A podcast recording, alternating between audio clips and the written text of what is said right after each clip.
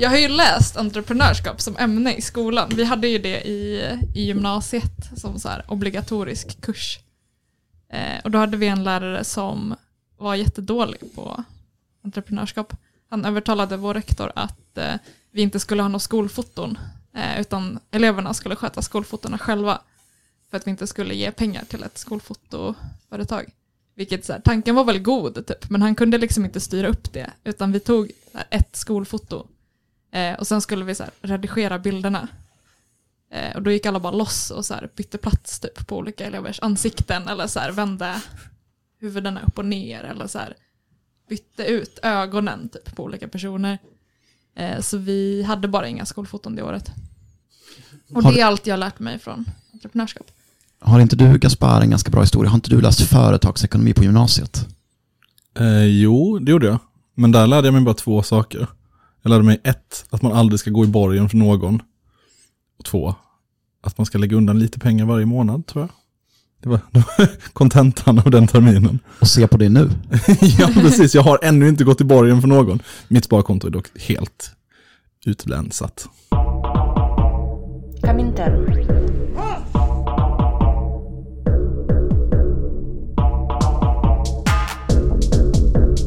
Berätta inte svenska klassamhället. Jag har sett det. Jag har växt upp i det. Jag hatar det.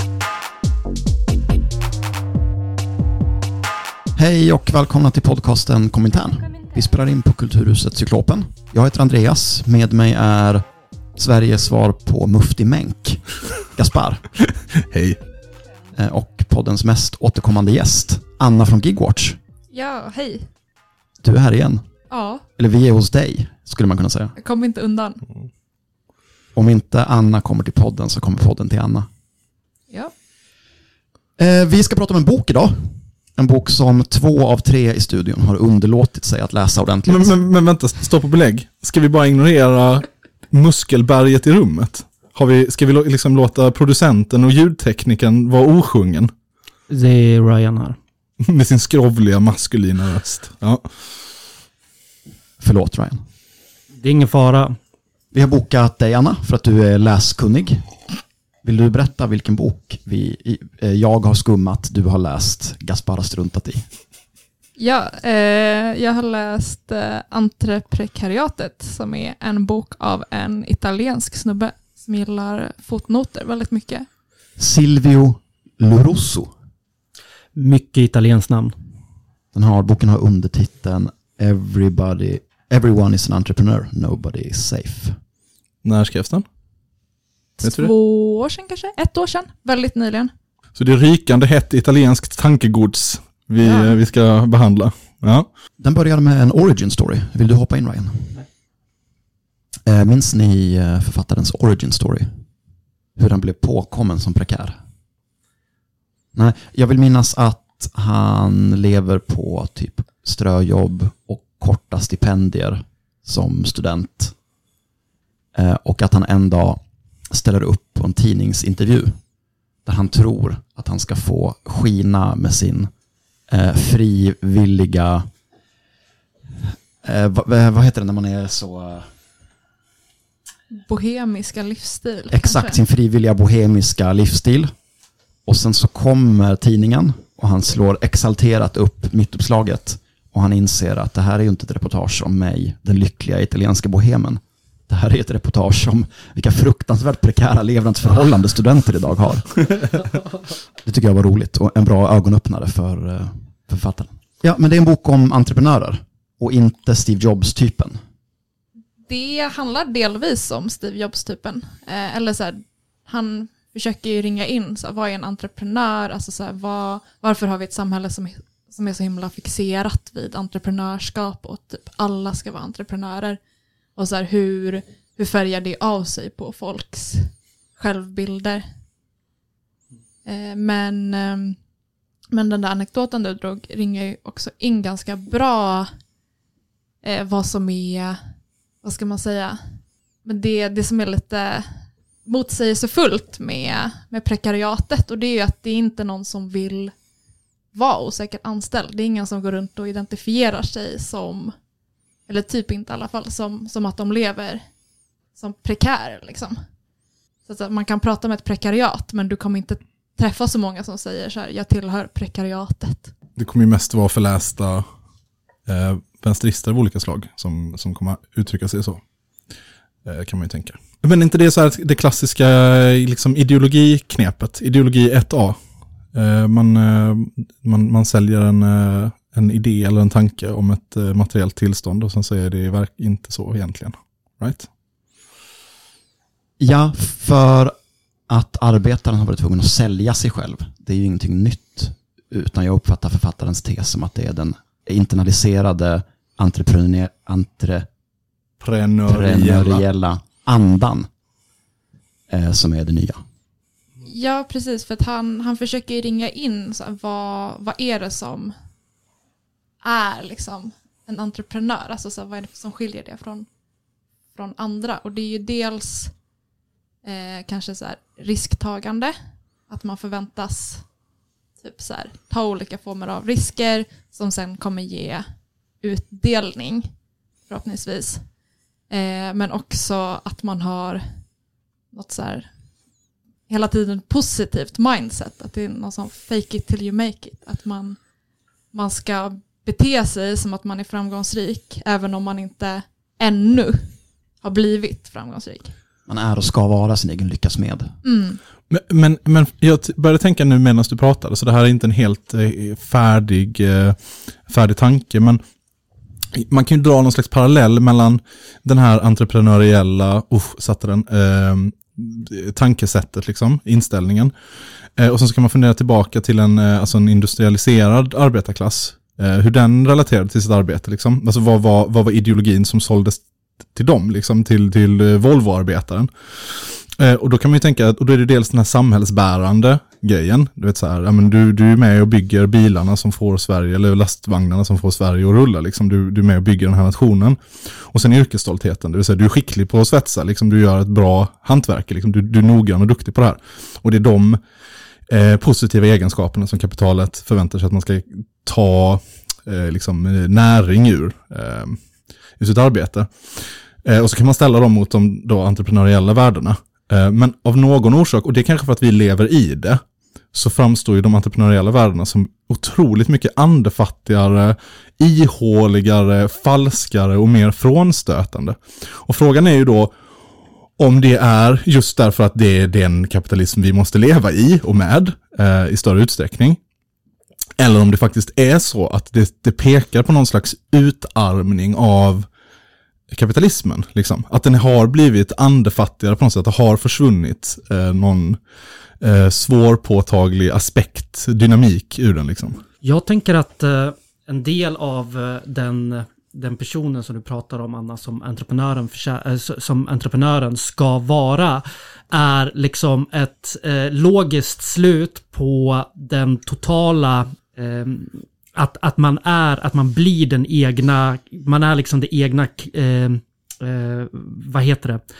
Ehm, man är fulländad i sin metamorf in som en, en del i den kapitalistiska kroppen. Att man, det handlar inte längre om att man ska förhålla sig, att man ska vara en bra arbetare, utan man ska, man ska vara den positiva, glada, eh, driv... Eh, man får inte ha något personligt eh, utrymme kvar. Eh, utan man måste helt hänge sig åt en viss människotyp och vara en viss människotyp. För annars kommer man inte klara sig överhuvudtaget. Man, man har totalt sagt upp den egna identiteten eh, överhuvudtaget. Två bra spaningar. Jag tänker på det du sa Gaspar. Jag tänker att det som försvunnit kanske är löftet om en framtid. Att så här, man får ett jobb som man vet att man kommer kunna ha hela livet och som kommer kanske generera en pension som, man, som går att leva på. Eh, i entreprenörssamhället så lever man ju i konstant osäkerhet om vad som kommer hända framöver. Så kommer jag få ett jobb imorgon? Kommer jag lyckas med det, det jag har investerat i? Så det, finns, det finns inga sådana garantier. Det finns ingen liksom, spikrak karriär. Oavsett liksom, i vilken bemärkelse man säger det. det finns ett personligt varumärke. Så från subjekt till projekt har jag för mig att han skriver någonstans. Tidigt i boken då såklart. Mm, men det var väl det du var inne på Ryan, att man behöver liksom forma hela sin, sin person till, till någonting som är säljbart. Man måste helt enkelt eh, förtingliga eh, sig själv och bli en, ja, bli, bli den produkten man säljer helt enkelt. Det är ingenting som man behöver som arbetare på Volvo. Alltså där så är det handlingar som man utför hela tiden som är repetitiva och som, som alienerar en. Men nu så bli, förtingligar man sig själv och verkligen blir, blir det objektet som man producerar. Och man ska ju inte tro heller att det nödvändigtvis är så att den här ekonomin består då bara av olika Instagram-influencers och folk som eh, recenserar frukt på YouTube. Utan det är i många fall precis samma arbetsuppgifter som ska utföras. Det är bara det att de är inte pensionsberättigande på samma sätt och du vet inte om du kommer få, hur, mycket, hur många timmar du kommer få jobba varje månad. Ja, men för det är ju där det här kanske blir intressant egentligen, den här analysen, när man slutar kolla på de här Steve Jobs eller så här influencerpersonerna, utan kolla på, okej men en helt vanlig person som helt plötsligt ska vara en entreprenör. Liksom så, vad, vad innebär det för den personen? Alltså det, finns, det finns en, eh, en dokumentär alla rikt, äkta kominternskallar borde kika på, som finns på YouTube, som bara, som, den heter något sånt, Hamnen eller något sånt där. Så handlar den bara om Göteborgs hamn. Och så är det bara olika hamnarbetare. Det är, jag tror det är hamn, eh, Hamnfyran som har producerat dokumentären. Så handlar det bara om, det är liksom lite gamla hamnarbetare på typ 90-talet som får tala om hur hamnen var innan. Eh, och det är, det är jätte, jättehärligt. Men, men där är i alla fall en person som, eh, en av de riktigt gamla eh, hamnarbetarna som liksom är pensionerade eller någonting. Han säger att eh, när han började jobba liksom, på 40-talet eller någonting, då var det så att då gick man ner till kajen och sen så hade de en lucka där och så ställde man sig på led utanför den luckan. Och hade man tur så fick man en lapp med, ett, med en båt man skulle lasta av. Hade man otur fick man ingen lapp och då fick man inget jobb. Och då hade man inte pengar för dagen. Liksom. fick man bara cykla hem till sitt skjul igen och lägga sig och vara hungrig. Ehm, och eh, det är ju inte så jävla stor skillnad eh, på det och de, eh, eh, men till exempel eh, cykelbuden som cyklar in och sätter sig på eh, Nils Eriksson-terminalen i Göteborg varje morgon. Sätter sig och väntar med liksom, telefonen i hand, appen i hand och väntar på att få beställningar. Och först cykla i eh, vad det nu än kan tänkas vara för väder till en eh, pizzeria, plocka upp en pizza och sen cykla och lämna den. Alltså det är ju, det är ju, daglö, det är ju daglöneri. Det är bara det att den här, liksom, det här pizzabudet ska förväntas på något sätt också, ja, men som, som vi var inne på, ha, vara glad med, medan hen gör det. Liksom. Ja, precis för de här daglönarna i hamnen var det väl ingen som försökte framea in i något sånt, att de är entreprenörer typ. Nej, snarare så sågs de bara som slödder. Alltså som avskum, outbildbart eh, avskum. Och på många sätt så är det en mer befriande position. Alltså det är ju, det alltså, eller det är dumt att jämföra dem, för båda är ju så här människ- människofientliga och vidriga och ska liksom bekämpas med varje, eh, liksom, med alla tillbudstående medel. Men det, alltså det är ju ändå, ja, jag vet inte. De behöver inte ha en LinkedIn med bra ljussatta bilder, kontakter, ett fett CV och att ha kunnat fånga sin personlighet i ett antal kärnfulla rader. Alltså en del av den här, eh, alltså gig-grejen att man är fast i en slags mardröm av en never-ending arbetsintervju. Där, eh, där varje, varje enskild, eh, varje enskilt jobb som, som, som man får, där kontraktet börjar och när kontraktet slutar, är liksom arbetsintervjun i, i, i sig. Man kan inte, det är alla de här äh, låtsaskvaliteterna som, som man förväntas, eh, ja men det här, åh men jag jobbar, jag visar framfötterna och glimten i ögat grejen. Fast konstant, varje dag, hela tiden.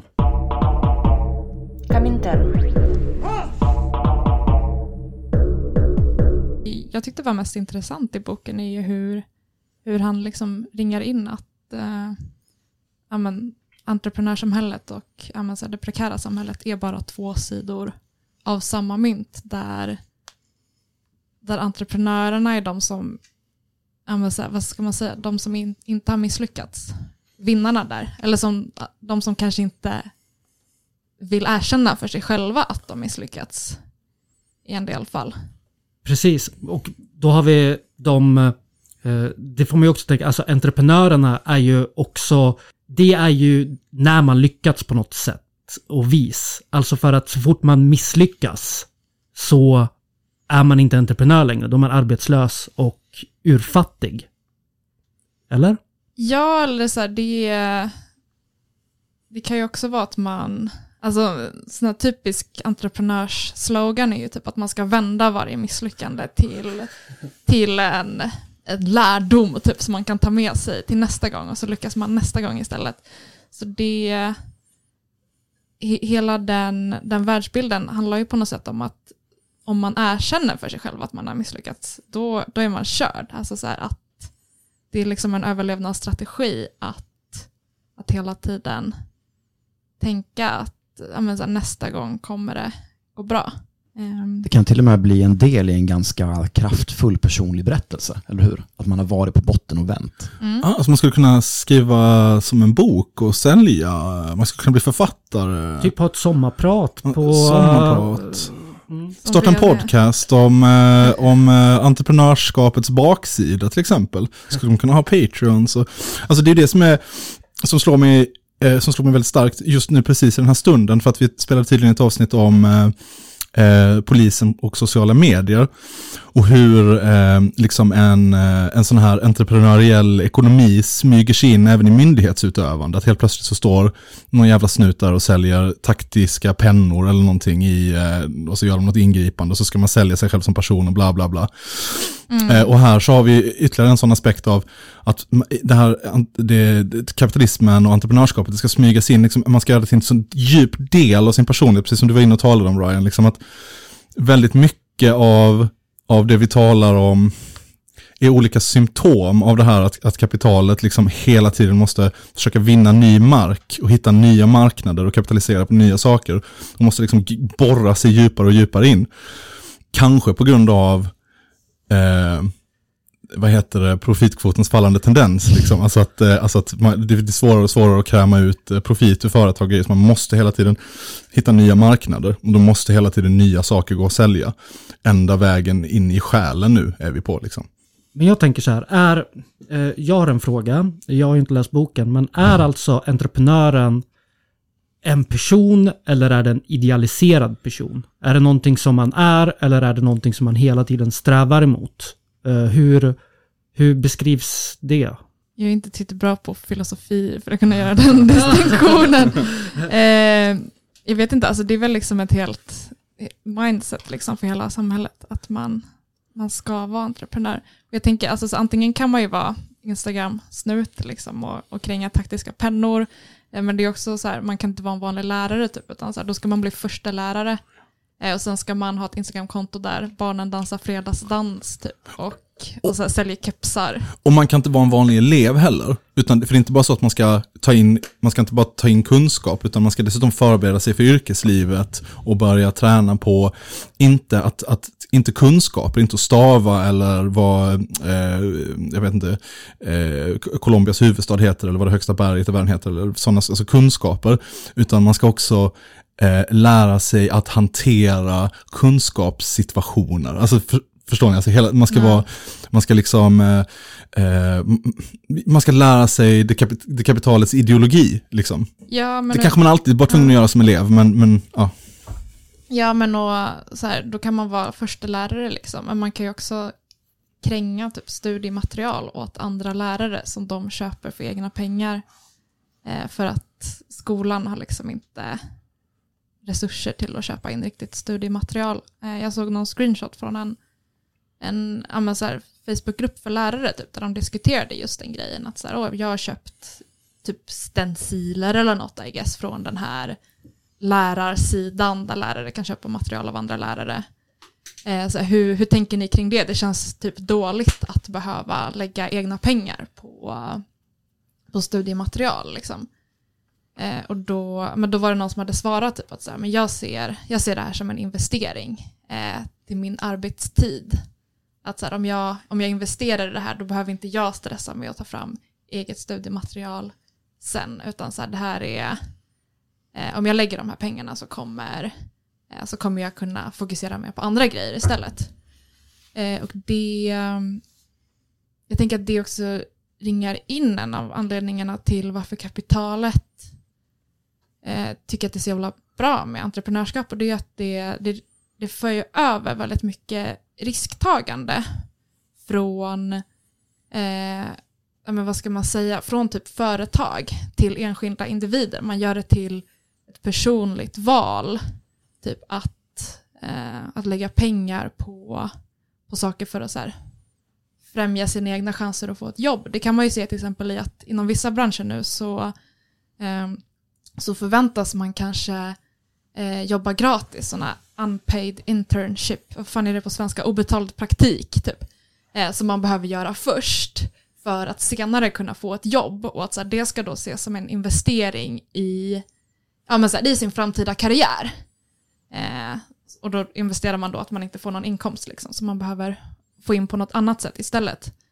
Eh, men så här, det, det överför ju bara en kostnad från, från företaget som behöver paya någon till, till den, den liksom personen. Eh, och på samma sätt så, så kanske man behöver köpa en, eh, en moped för att kunna köra ut mat eh, om man inte vill traggla runt på sin cykel. Så då, då ses det liksom som att man investerar i sitt eget arbete för att kunna göra det bättre snarare än att man införskaffar ett arbetsredskap som kanske egentligen företaget borde stå för.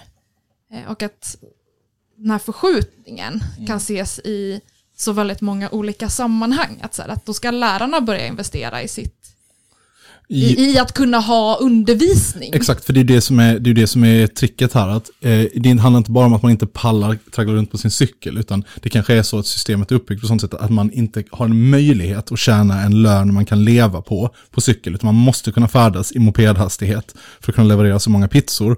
Det är inte möjligt att undervisa en klass med bara det materialet som skolan tillhandahåller, utan man måste köpa stenciler från någon jävla influencer. Det går inte att eh, utföra bygget av den här väggen utan att också ha tillgång till det här och det här extra materialet. Bla bla bla. Liksom. Och om du inte instagrammar från ditt klassrum, hur ska ditt personliga varumärke och skolans varumärke då kunna öka? Hur ska, varför skulle elever söka sig till den här skolan om du inte har lagt upp tillräckligt mycket dansvideos på TikTok? För om all vaken tid då är tid som man borde eller skulle kunna investera i sitt personliga varumärke, då blir ju prokrastinering, alltså att inte arbeta på sitt varumärke, den absoluta fienden.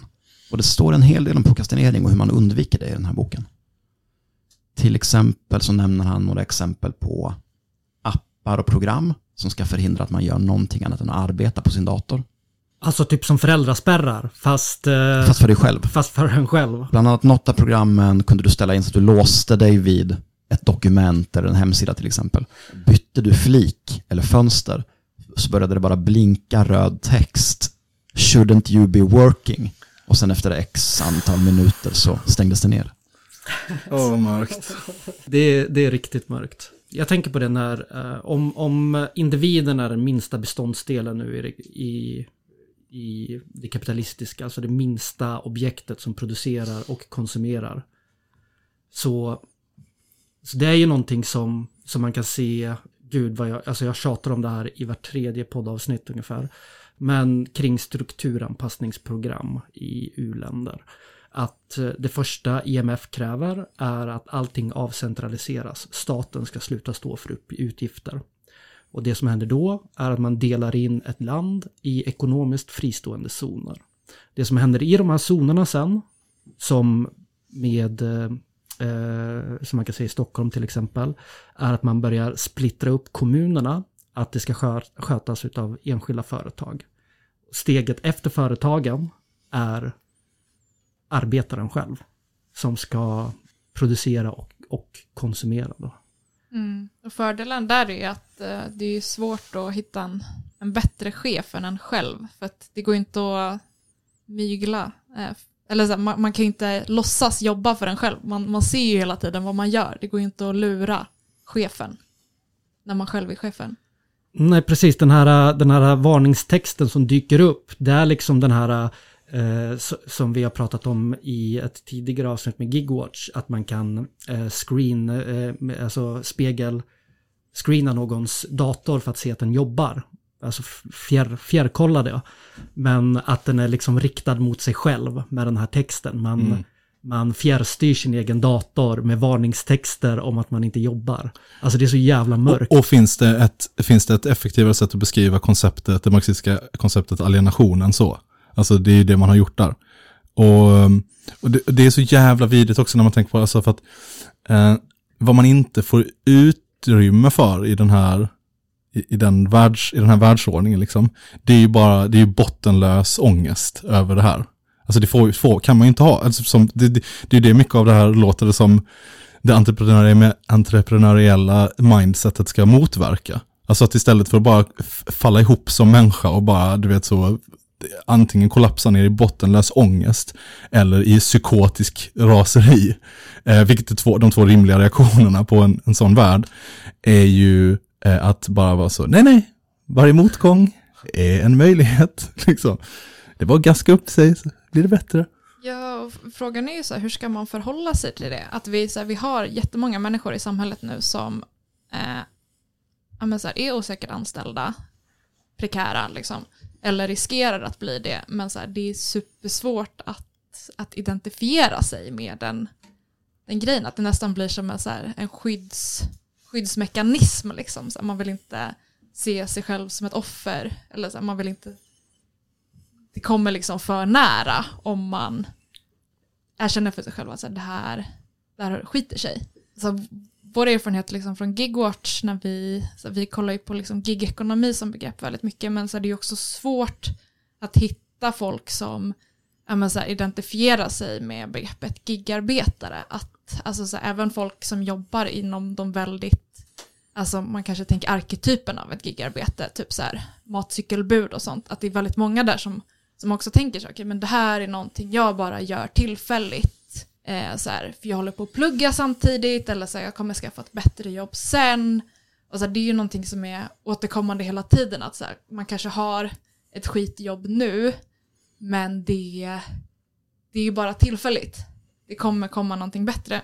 Författaren nämner bland annat i i boken eh, någonting han kallade quitting economy, Alltså vi lever i ett samhälle där alla har rätten att säga upp sig från jobb som de tycker suger. Och det kan man ju tänka, alltså, det är väl bra att man inte typ är en slav, men det är ju inte en särskilt stor frihet när det också innebär att man bara förpassas liksom till nästa jobb som också suger. Det finns en jättebra eh, intervju med Daria Bogdanska, jag tror att den är på engelska, kanske kan länka den. Eh, men basically det hon säger är att så här, om, om alla bara fortsätter säga upp sig från alla de här skitjobben så kommer till slut alla jobb bli skitjobb.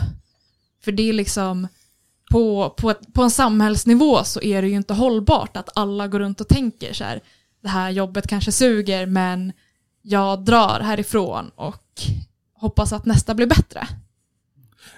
Nej, och, och grejen är ju att det luriga är ju att för precis tillräckligt mycket människor så stämmer ju det. Alltså att för precis tillräckligt mycket människor så eh, kan man plugga ett halvår efter att man har gjort ett halvår som cykelbud. Så att, eh, eh så att det, det, det, det på något sätt så, så uppnås inte, eller det har varit så tidigare i alla fall. I alla fall. Eh, och jag, men jag tror att den andelen minskar, därför att jag, jag tror verkligen att det är så också att eh, liksom, vad ska man säga, alltså arbetsmarknaden är bara så svag som sin, eller stark som sin svagaste länk liksom. Alltså att om det finns, ju, ju lägre botten är, då drar det ner allt annat liksom. Och om botten ökar så ökar det också allt annat liksom. Ja, men det är facklig organisering för att förbättra det här. Vad krävs för att angripa den här idén av eh, Eh, den här, den här kapitalistiska eh, ideologin som alla går runt och liksom bär, bär på att de är entreprenörer och bla bla. Jo, det är ju vår propaganda naturligtvis. Så, kollektivitet och eh, starka tillsammans och röda flaggor och allt det där. Bla bla bla. Det behöver inte vara röda flaggor. Men alltså, det, det kan ju se vara modernt, säger jag. Hånfullt. Men ni fattar vad jag menar. Right? Vi har alla de här beprövade strategierna som tidigare har funkat. Du vet så, daglöneriet försvann ur hamnen. Men, och det är det som så att vi har till exempel ett, fa- en fackförening som SAC som kan visa på eh, en lång serie vinster. Eh, liksom. Man kan titta på, på en massa du vet, så stulna löner som har kommit tillbaka, hårt arbetande kamrater som har slitit och vunnit och så här. Eh, fackliga konflikter, de som får stor medial uppmärksamhet. Fan, vi vinner dem. Liksom. Det är tågen i Skåne, det är hamnen i Göteborg. Du vet, fighterna vi tar, de stora fighterna, har vi vunnit. Men det lossnar ändå inte. Right? Det är det som är det frustrerande. Vad är det, vad är det som inte funkar liksom? Det är ju en... Det är någonting vi gör fel liksom. Men jag vet inte vad riktigt. Det är enormt frustrerande.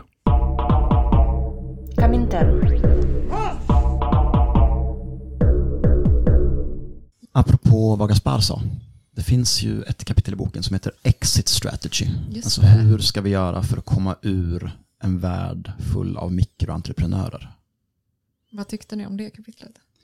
Um, alltså det är nog, jag tror att tänker att författaren har rätt, men det är också väldigt vagt. Verkligen väldigt luddigt. Vad han skriver är att det går absolut inte att lösa individuellt. För att individuella lösningar det är självhjälp. Eh, att försö- och så finns det en del fallgropar som han nämner. Till exempel att bli bättre på att själv undvika stress. Och då menar han att vad du gör då är egentligen att du ökar din egen effektivitet. Mm. Och att ägna sig åt koncentrerad vila, det är i själva verket att öka din produktivitet. Precis, för sen kan du jobba mer. Om du är utbränd kan du inte jobba alls. Om du är väl utvilad så kan du jobba tills du är 85. Ja, så han landar ju någonstans i att det är materiella omständigheter som tvingar prekariatet att bli mikroentreprenörer och vi måste tillsammans krossa nyliberalismen. Precis, för, för om, du, om du lyckas på ett indiv- individuellt plan, alltså det du har lyckats då är att du har lyckats som entreprenör. Grattis, du kanske har brutit dig ur prekariatet, men du har inte förändrat samhället, du har bara blivit vinnaren i loppet typ. Eh, Och det hjälper ju inte resten. Man, är egentligen, man blir bara en del av problemet på ett annat sätt. Mm. Och dessutom är det väl ofta så, eftersom samhället ser ut som det gör, bara folk med vissa förutsättningar som ja, har några rimliga chanser att göra det. Ja, folk som läser på Handels. Och träffar alla, blir groomade där utav näringslivet. det man väl kan säga är att så här, den här spridningen av, av gigekonomin, liksom hela samhället, alltså det är det vi kallar gigifiering, liksom, att allt fler jobb antar de här dragen av de, eh, kanske de jobben som har sämst arbetsvillkor idag. Eh, och det är väl, jag vet inte, man, man borde väl försöka prata mer om liksom, det som ett problem för alla, annars hamnar man lätt typ i en så här väldigt så här välgörenhetston, typ att så här, åh, vissa har superdåliga jobb, det är för att synd om dem. Eh, snarare än så här, det här är någonting som, som gäller alla. Eh, när ni hade Lovisa som gäst, nu kommer inte jag ihåg exakt vad hon sa, men det var något skitsmart. men det var väl, ju hon, hon vara det. pratade om medelklassen liksom och att eh, högern kanske har varit väldigt bra på att, att övertyga den om att så här, de har samma intressen som ja, men typ näringslivet. Att så här, åh, vi sänker skatten lite lite och så kan ni få ett rotavdrag typ, och det kommer bli asgött. Medan så här, i själva verket så, alltså så här, även någon som har en kanske decent lön liksom, i Sverige eh, står ju väldigt mycket närmare att eh, ja, men, förlora hela sin inkomst liksom, än att bli eh, en ny Wallenberg.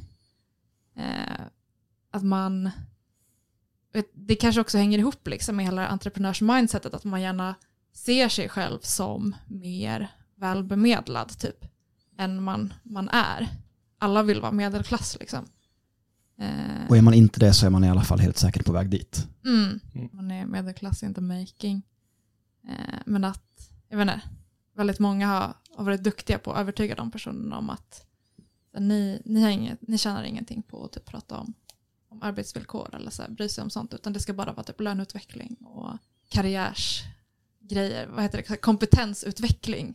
Eh, att så här, åh, vi ska, ni ska få större möjligheter att så här, utveckla er kompetens samtidigt som vi har ett läge idag eh, i Sverige så där ja, men typ lärare som har en utbildning inte blir anställda för att så det är billigare att, att, eh, att anställa folk eh, som inte har en lärarutbildning eftersom man har sagt att så här, eh, vi förtjänar högre lön för att vi har en lärarexamen. De som inte har det förtjänar lägre lön och så har man liksom ett A och ett B-lag och så blir man förvånad när det är eh, ja, företagen sparar pengar genom att anställa B-laget. Så det finns, man, man skjuter sig liksom i foten genom att inte inse att man behöver solidarisera sig. Ett fackförbund för entreprenörer finns inte det typ? Var det inte, var det inte typ Unionen som var inne på att de skulle starta ett fackförbund för typ egenföretagare? Jag, jag tänkte skämta och säga unionen väl, men okej, ja, det är, ibland går det snabbare än man tror. Jo men det finns väl, nej är det för chefer? De som förs- förskingrade, förskingrade massa pengar. det Eh, låter som för chefer. Det, ja men det är ju något sånt. eh, Va, vad fan hette det SD-facket? Typ löntagarna eller något sånt där. Var omedelbar förskingringshärva efter sex månader eller någonting. Var direkt! Jag vet inte om, Fan, det, det, var, var det inte lite piffiga bilder? det var jättemycket så här, bilder som författaren typ hade lagt in och bara tänkvärt typ i slutet av varje kapitel. Ska vi, ska vi ta vara på det här eh, eh, audio, audiotiva mediet och så kan du få eh, jag tolka lite bilder? Ja, olika syntolka lite bilder? Ja. Okej, eh, vi har en bild här. Eh, där det, jag kan läsa bildtexten. Keyboard baggy jeans. Och då är det, mm, då är det ett par säckiga byxor, så här tidigt 2000-tal design typ. Eh, som också har eh, ett datortangentbord på sig, typ på låren. Så att om man sätter sig typ på en stol så kan man liksom skriva, skriva på datorn direkt på byxorna. Och så kan man ha musen i bakfickan. Alltid redo att producera. Ja, och sen är det en bild på en, eh, en man som åker eh, rutschbana nerför en trappa i kontorsmiljö. det är inside Google Offices in San Francisco. Just det, för där, och det ska då vara en symbol för den här... eh, Avslappnade precis. företagskulturen. Det ska vara kul på jobbet att man har sådana sittpuffar och eh, vad det nu kan tänkas vara. Men egentligen så är det bara en metafor för en kort magkittling innan man har nått botten. Träffande. Ja, och sen är det några bilder jag inte förstår. Nästa steg kommer ju vara ehm, att alla stolar blir sådana läder, läder, såna läderfåtöljer som man halvligger i och sen får man en sån där uh, Matrix spik uppkörd rätt in i centrala nervsystemet som kopplar upp en liksom på sitt eh, virtuella kontor. Eh, där man går och träffar sina kollegor virtuellt och sånt. Nej men vadå, 100% att det här är sant? Eller alltså det här är inte ens science fiction? Eller alltså spiken i nacken är det, för att man kommer ha sådana, eh, vad heter det, Ocular Rift istället. Alltså man har sådana, därför att nu har ju kommit typ alla eh, IT-företag och alla sådana, du vet all, allting där man jobbar med datorer. Typ, de kommer ju bara in och bara, mm, det här med att vi betalar rätt mycket stålar varje månad i lokalhyror, helt meningslöst. Det visar sig att det går att jobba alldeles utmärkt hemifrån. Eh, pandemin har ju visat det liksom. Så, så då är det inte alls långsökt att tänka att ganska snart så kommer de flesta, alltså inom ett antal år då så kommer de flesta av de här företagen ha gjort sig av med alla sina kontor. Eh, och istället så har de kanske så ett antal mötesrum eller sådär som man kan få tillgång till, bla bla bla vad det nu kan vara. Och sen så utrustar man sina kodapor, eller vad det nu är, pappersvändare, eh, med eh, 3D-glasögon. Eller så, du vet sådana setups liksom. Och sen så kan de få träffas på virtuella träffar och utbyta kunskaper, och erfarenheter och entreprenöriellt tänk. Och då är, det ju, då är det ju precis där. Då är det, du har inte ens, ingenstans är du fri från ditt arbete därför att du har ingen arbetsplats. Du har bara dina byxor. Du har bara dina byxor, dina jeans är din arbetsplats. Du drar på dig dem på morgonen och sen BAM! Ready for work! Jag vet inte, jag, jag skummade också en rapport som LO gjorde för några år sedan som heter F-skattesystemets skuggor som jag tänkte var kanske lite relaterat till det här. Just det, jag har också en, en helt annan grej som också är intressant relaterat till det här som ni får påminna mig om och det är om aktiebolag. Men eh, jag vet inte, man kanske bara kan ha det som ett litet instick men där, där kollar LO-förbunden på eh, ja, men så här, som de ser ett missbruk liksom, av F-skattestedlar eller liksom av ja, men så här, falska egenanställningar som de kallar det eh, för företag. Typ att så här, det är tydligen ett ganska stort problem inom ja, men så att, framförallt transport och bygg och delvis typ städ som jag har förstått det att företag gärna sparkar folk och säger du kan få komma tillbaka som egenföretagare. Istället för att vi har dig som anställd så utför du ett uppdrag åt oss i egenskap av företag och då är det plötsligt en själv som har, alltså återigen så har vi det här med att förflytta över alla, alla risker till en själv. Att så här, då, då har du ansvar för din ar- arbetsmiljö, för dina arbetsredskap. Får För du bjälke i huvudet på det här bygget så får ditt företag lösa det. Mm. Då var det ditt företag som inte skötte skyddsronden eller vad det nu var.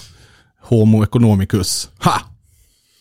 Och det kanske är, vad ska, vad ska man säga, en entreprenörifiering i en mer bokstavlig bemärkelse som vi kan se i delar av samhället. Att, att man tvingas gå över till någon egentligen fake form av, av egenföretagande. Eh, det var ju ganska nyligen de reglerna ändrades, att innan, innan typ 2009 kanske, om jag minns rätt, så eh, fick du inte jobba som egenföretagare om du bara jobbade åt ett enda företag.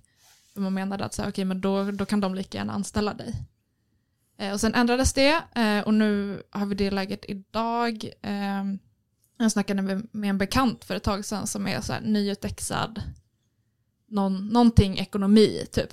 Eh, som har jobbat på Klarna som konsult på, ja, men så, som egenföretagare typ på deras ekonomiavdelning typ. Eh, så de, alltså så här, hon, hon gjorde bokstavligen bara vanligt kontorsarbete åt dem men eh, hon skulle liksom göra det utan en anställning. Det tror jag är jättevanligt. Det tror jag är supervanligt. Och att man gör det i flera, flera år. Mm. Kanske i, en, i vissa fall, kanske i ett helt arbetsliv. Så från och med nu. Det blir ju omöjligt att prata om, ifall man har ett helt kontor bestående utav eh, egna företagare så kommer ju det, alltså lönetrappa, bla, bla, all, allt det här är, kommer vara så främmande begrepp som inte ens existerar eftersom lönen endast är kopplad till individen. Ja, du, det, du, det är ju, det, till och med det är ju för snällt. Du har ju inte ett, ett kontor fyllt med människor. Du vaknar ju bara hemma själv i din egen lägenhet. Och sen loggar du in eh, med din Oculus, eller vad fan de nu heter. och sen så liksom går du runt i ett eh, virtuellt, på en virtuell plats liksom. Och du kan ju ge dig fan på att din chef kommer se till att ha eh, blockat och mutat de personer som du inte ska prata med för att inte vara produktiv. Det, kommer inte, det finns ju ingen anledning att de ska betala dig och stå och köta vid eh, du vet, vattentanken. Utan eh, det ska ju, du ska ju bara kunna prata med dem som du, kan, eh, som du, kan, som du behöver för din arbetsuppgift. Liksom. Mm. I Gigwatch har vi dragit det här exemplet förut med, med personen som jobbat i receptionen i ett badhus som egenföretagare Ja. via frilansfinans liksom. Samma badhus hela tiden. Eh, men så här, plötsligt är det ja, men så här, någon slags business liksom. Eh, och det, ehm, det skapar ju också en, en ganska intressant konflikt eller så här, för, för man, man tänker ju att okej, men om man har ett eget företag typ, då har man mycket större frihet över eh, och så här, kan styra sitt eget arbete. Men samtidigt så, så ser man ju många exempel, ja, men typ från USA där till exempel eh, Uber och Lyft-chaufförer som men så här, klassificerats som egenföretagare av, av de här företagen liksom driver en aktiv kamp för att få ses som anställda. Alltså så här, man vill aktivt underställas en arbetsköpare eh, för att alternativet som man, som man jobbar liksom i nu är eh, det innebär inte mer frihet liksom, utan det, det är överförbara riskerna. Parallellen blir väl typ eh, menar, att, eh, att det finns ett case och säkert och många jag, jag tror inte jag ljuger nu, jag, jag tror jag har förstått det rätt, att det finns många palestinier som, som kämpar ganska hårt för att, för att bli sedda som israeler, eller för att det är en ockupation. Men eftersom Israel inte erkänner att det är en, en ockupation så kan, blir de ju heller inte israeliska medborgare och får därför inte tillgång till massa rättigheter. Så även om det inte är så nice att vara israelisk medborgare nödvändigtvis, så, det, så är det ett slags erkännande av, alltså ens förtryckares erkännande av att man överhuvudtaget existerar ger någon slags rätt att kämpa emot, eller någon slags möjligheter som man inte har annars. Ja men precis, för det är väl det att så här, det blir ju inte ens en spelplan typ där man kan spela ut någon slags konflikt om, om man inte ses liksom som en aktör i motsats till någonting annat. Att så här, vi, vi alla entreprenörer, vissa är bara lite större än andra. Vissa har ett enskilt bolag med bara en person och vissa eh, liksom har flera tusen anställda. Liksom. Andra kanske har ett aktiebolag. Just det, eh, för det är det, för det är kul för att um, om det är typ Maud Olofsson eller någon sån som någon gång har sagt typ att så här, alla borde födas typ med ett, så här, en F-skattesedel. Så att alla kan ha ett litet företag typ från födseln. Eh, men det borde man ju inte ha, man borde ju få vara ett, eh, ett aktiebolag istället. Men men det här har vi talat om förut, eller hur? Det är inte första gången den här idén kommer upp i, eh, i podden. Att man ska byta ut sitt personnummer med, ett företags, med en företagskod. För att det är mycket mer praktiskt egentligen. Vad, vad innebär det att födas med- som ett aktiebolag? Alltså grejen med ett Att aktie... folk köper andelar i en från födseln? Nej men alltså grejen med aktiebolag är typ att så här, om, man, om man driver ett aktiebolag och det går fett dåligt, eh, och man kanske så här, drar på sig massa skulder, eh, eller så här, eh, jag vet inte, man kanske har någon anställd som typ råkar inte få någon lön och så råkar vara inlåst typ i en källare och så här, behöver slavjobba jättemycket tills facket får reda på det och så måste man betala jättemycket böter typ, då kan man bara lägga ner aktiebolaget. Och då är det som att så här, allt ansvar försvinner där. Alltså så här, det är ingen som kollar på, okej, vilka sitter i styrelsen? Vilka är det som har drivit det här aktiebolaget? Utan så här, det, det är liksom en egen person. Och om, om den juridiska personen har gjort någonting fel, eh, så, så här, då lägger man ner det. Och så kan man starta ett, eh, ett nytt bolag och då, då, då kan man anställa samma personer igen. Men det går liksom inte att, eh, att typ eh, hålla dem ansvariga för någonting det förra bolaget gjorde.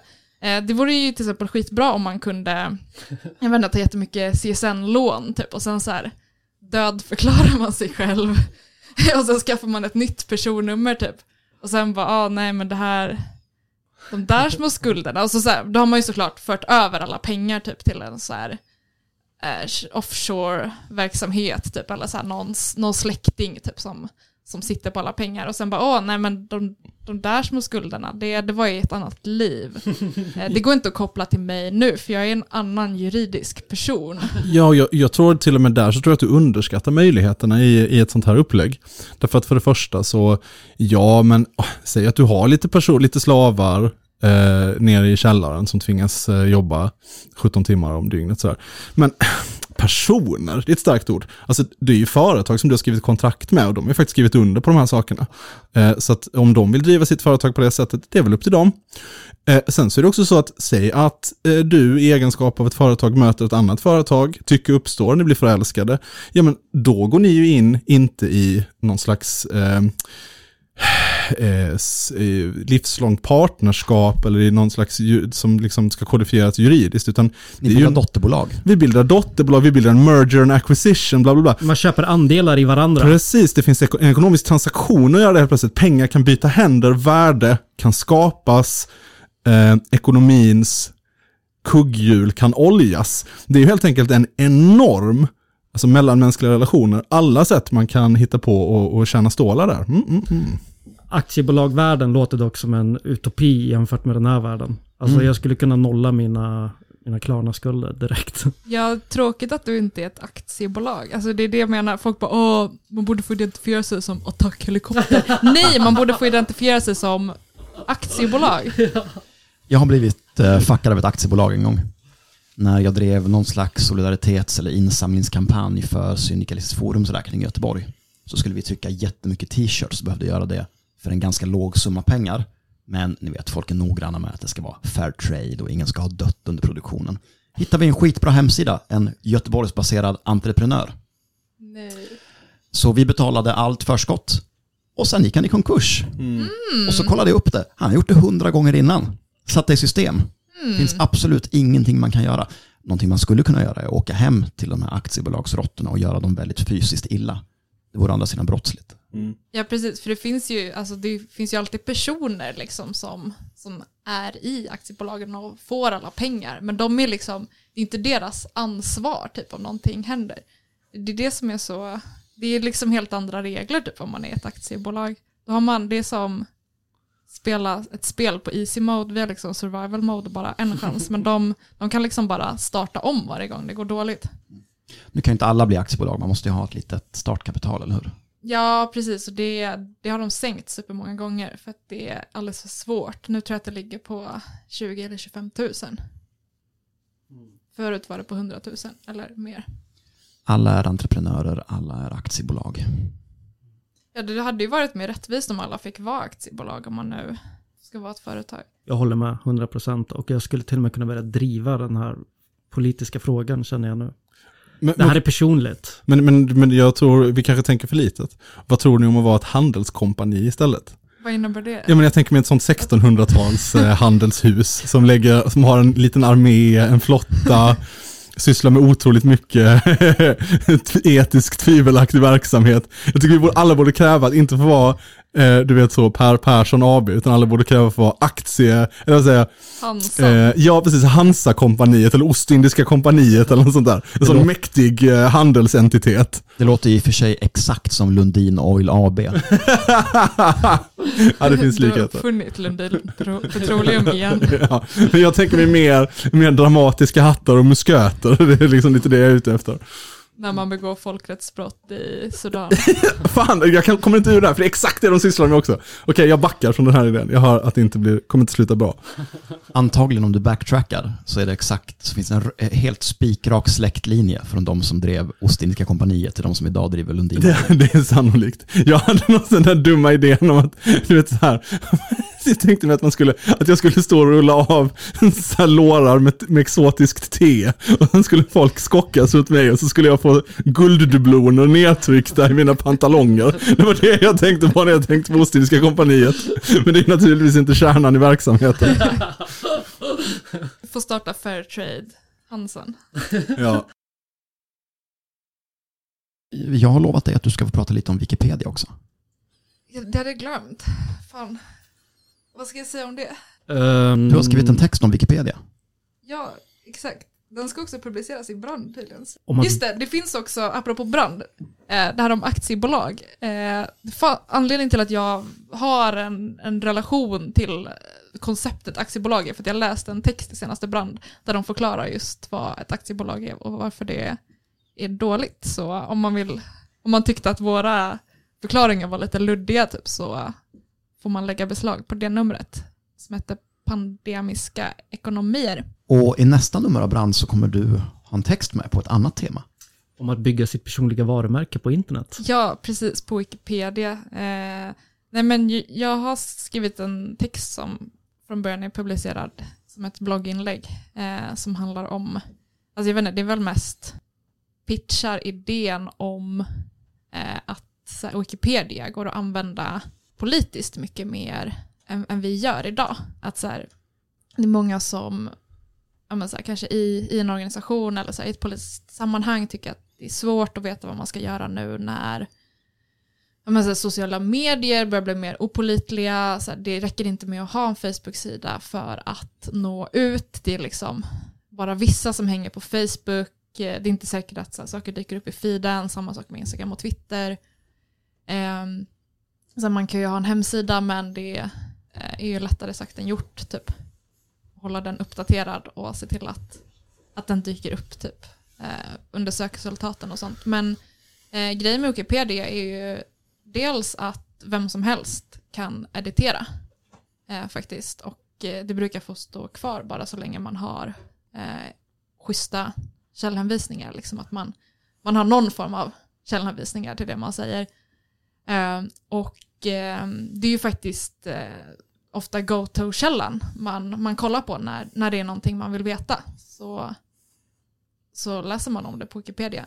Eh, så varför inte ha en, eh, en sida till sin politiska organisation där man faktiskt skriver vad man håller på med och så här lyfter fram saker man, eh, man är stolt över att man har lyckats med istället för att göra en Facebook-post om det som ingen kommer ihåg ett halvår senare. Eller ett fanzin som ligger i forums eh, bakersta vrå dammtäckt och som måste återupptäckas av någon sån jättegrön ny aktivist som ska återuppstarta någon rörelse och inte alls någon koll på historien överhuvudtaget om vad som har skett innan. För det finns ju typ, det är ju inte dokumenterat förutom i fanzin och på Facebook och ja. Nej, precis. Den, eh, den politiska rörelse som man pratar om utom parlamentariska vänstern som kanske har, har varit aktiv de senaste, vad ska man säga, 20-30 åren. Eh, den, det finns ju otroligt lite dokumenterat om den. Eh, man får ju verkligen gå in och gräva djupt. Alltså man får ju gå in på typ Wayback Machine för att kolla igenom gamla motkraft och gela och grejer för att kunna hitta hitta så här, saker som har skrivits. För att all, så fort en hemsida lägger ner, liksom, då är det som att det, är det är försvunnet från nätet och det, det är försvunnet från folks eh, menar så här, kollektiva minne över vad som har hänt. Men grejen med Wikipedia är ju att det finns egentligen ingen begränsning i hur mycket man kan skriva typ, på en sida. Det är inte att de bara, åh, ni kan inte skriva att ni gjorde det här, för det är inte relevant. Så länge man kan visa att så här, det här har hänt och kanske inte skriver allt för vinklat så, så går det att lyfta fram. Jag tänkte att jag skulle testa din tes inför det här avsnittet. Mhm. Så jag satte mig häromdagen och jag skulle försöka göra en Wikipedia för den här podden, Komintern podcast. Eh, Jag har ju viss helt befogad förföljelsemani. Så dubbla VPN-tjänster, hårt krypterad dator, snubbeltråd vid ytterdörren. Då får man inte redigera någonting, utan man måste vara helt öppen med sin IP-adress. Eh, Så jag besökte ett, en kafékedja istället, eh, som heter efter en väldigt liten stark kopp kaffe. Eh, Och så satte jag mig och redigerade ifrån deras IP-adress. Det tog ungefär tio minuter innan den var nedplockad med motiveringen ej relevant, för liten, för ny, för betydelselös. Aj. Vad, vad vilken Kanske entitet har, men vilken entitet har plockat ner den? Eller har pl- plockat ner den? Är den, är den, ja, Någon slags stor redigerare. någon slags stor redigerare? Han skröt i sin profil, jag antar att det här är en man, med att han granskar ungefär 1500 nypublicerade eller redigerade artiklar på svenska Wikipedia i timmen. Svuren fiende till mig, hävdar jag nu. 1500 i timmen, då måste det vara någon bot typ. Va, I timmen? Ehm, Nej, så arg. stå och belägg. Men jag tänker det, det är ju skittråkigt när sånt händer, men jag tänker att det, det går ju att komma runt på andra sätt. Dels ett sätt, Känner han till våra lyssnarsiffror? Ursäkta mig. dels så tänker jag att så här, alltså podcasts som, som koncept kanske är ja, men så här, ett, en svår grej att ha som egen ämneskategori. Typ att eh, det finns väldigt många podcasts. Om man kollar många poddar som har en egen Wikipedia-sida så är det kanske få. De är väldigt få faktiskt. Eh, men däremot typ politiska organisationer eller tidningar är ju eh, ganska mycket lättare. Och om man, om man stöter på patrull att så här, shit, någon elak mod typ tycker att min, eh, mitt initiativ är för smalt, då kan man ju också skohorna in sig på en redan existerande ämnessida. Typ om ni, eh, jag vet inte, kanske har gjort väldigt många avsnitt om svenska polismyndigheten så kanske man kan eh, lägga till ett avsnitt typ så här kritik mot svenska polismyndigheten. Vadå betydelselös? Hur kan han bedöma det? Det är ju helt och hållet subjektivt, jag, jag har ingen aning om. Ge mig hans mailadress. Mm. Ja, men jag, jag tänker att det är, väl, det är väl rätt knepigt men det är så länge det är någon typ tidning som har rapporterat om någonting så är det också mycket, mycket lättare att, att få det till. Det har rapporterats, må- vi har stått i pappersmedia, Det ursäkta. fanns flera tidningar som källhänvisningar till min artikel, som givetvis var oerhört välskriven. Reaktionär. 100% en reaktionär. Tråkigt, nu har du bara så här söndrat hela min tes med den där. Om ni ska skriva om er organisation, Det är, väl, det är väl rätt knepigt men det är så länge det är någon typ tidning som har rapporterat om någonting så är det också mycket, mycket lättare att, att få det till. Det har rapporterats, må- vi har stått i pappersmedia, det ursäkta. fanns flera tidningar som källhänvisningar till min artikel, som givetvis var oerhört välskriven. Reaktionär. 100% en reaktionär. Tråkigt, nu har du bara så här söndrat hela min tes med den där. Om ni ska skriva om era organisationer, se till att era organisationer är mer inflytelserika än den här podden. Men du, du säger också att den här podden är en organisation. Jag borde sålt in den som en organisation. Ja. En organisation som också producerar sporadisk radio. Eller skrivit om en riktig organisation. Alltså så här, hela den här idén fick jag egentligen när, när jag gick in och läste om en fransk alt-right organisation som hade en Wikipedia-sida. Och efter att ha scrollat lite så var det som att jag bara oj, gud vad mycket saker de har gjort. Och sen insåg jag att de har ju listat varenda bannerdrop, så här, varenda tal de har hållit på torg. Allting finns dokumenterat på, på deras wikisida och också så här formulerat det som typ att Åh, den, den 12 september eh, 2017 höll eh, partiledaren följande tal på, på den här platsen. Alltså de, de skriver det liksom som att det var typ ett statsministerbesök eller något sånt, som att det är superviktigt. Och sen inser man att okej, men det här är bara en kille som har stått på en potatislåda typ och pratat. Men, men det, det får ändå vara kvar. Och så, varför, varför ser man inte till att fylla alla sammanhang man har möjlighet till med sån information?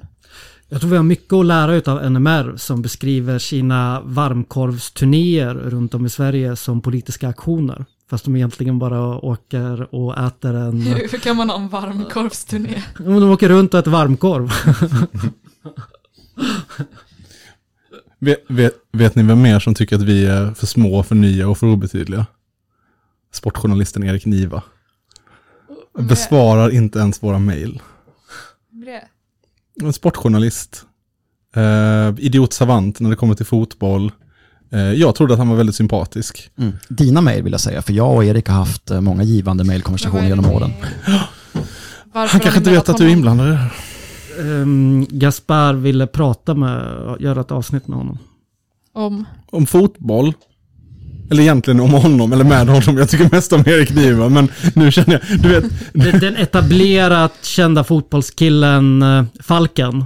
Som alltid pratar om fotboll och älskar fotboll. Alltså, jag har ju försökt, alltså verkligen försökt intressera mig för italiensk 90-talsfotboll för att kunna komma lite närmare Erik Niva. Men sen så bara spottar i ansiktet på det här sättet. Mm. Hade vi haft en Wikipedia så hade vi kunnat skriva där. Äh, ja, Den definitivt. idrottspolitiska poddradio.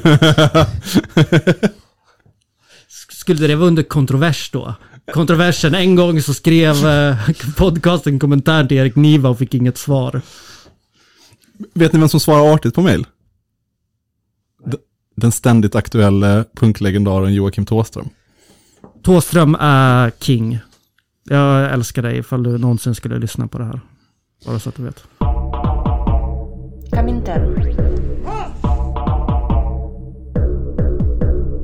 Tusen tack för att du kom och var med igen. Anna, vår nästa gäst, har du någonting du vill plugga?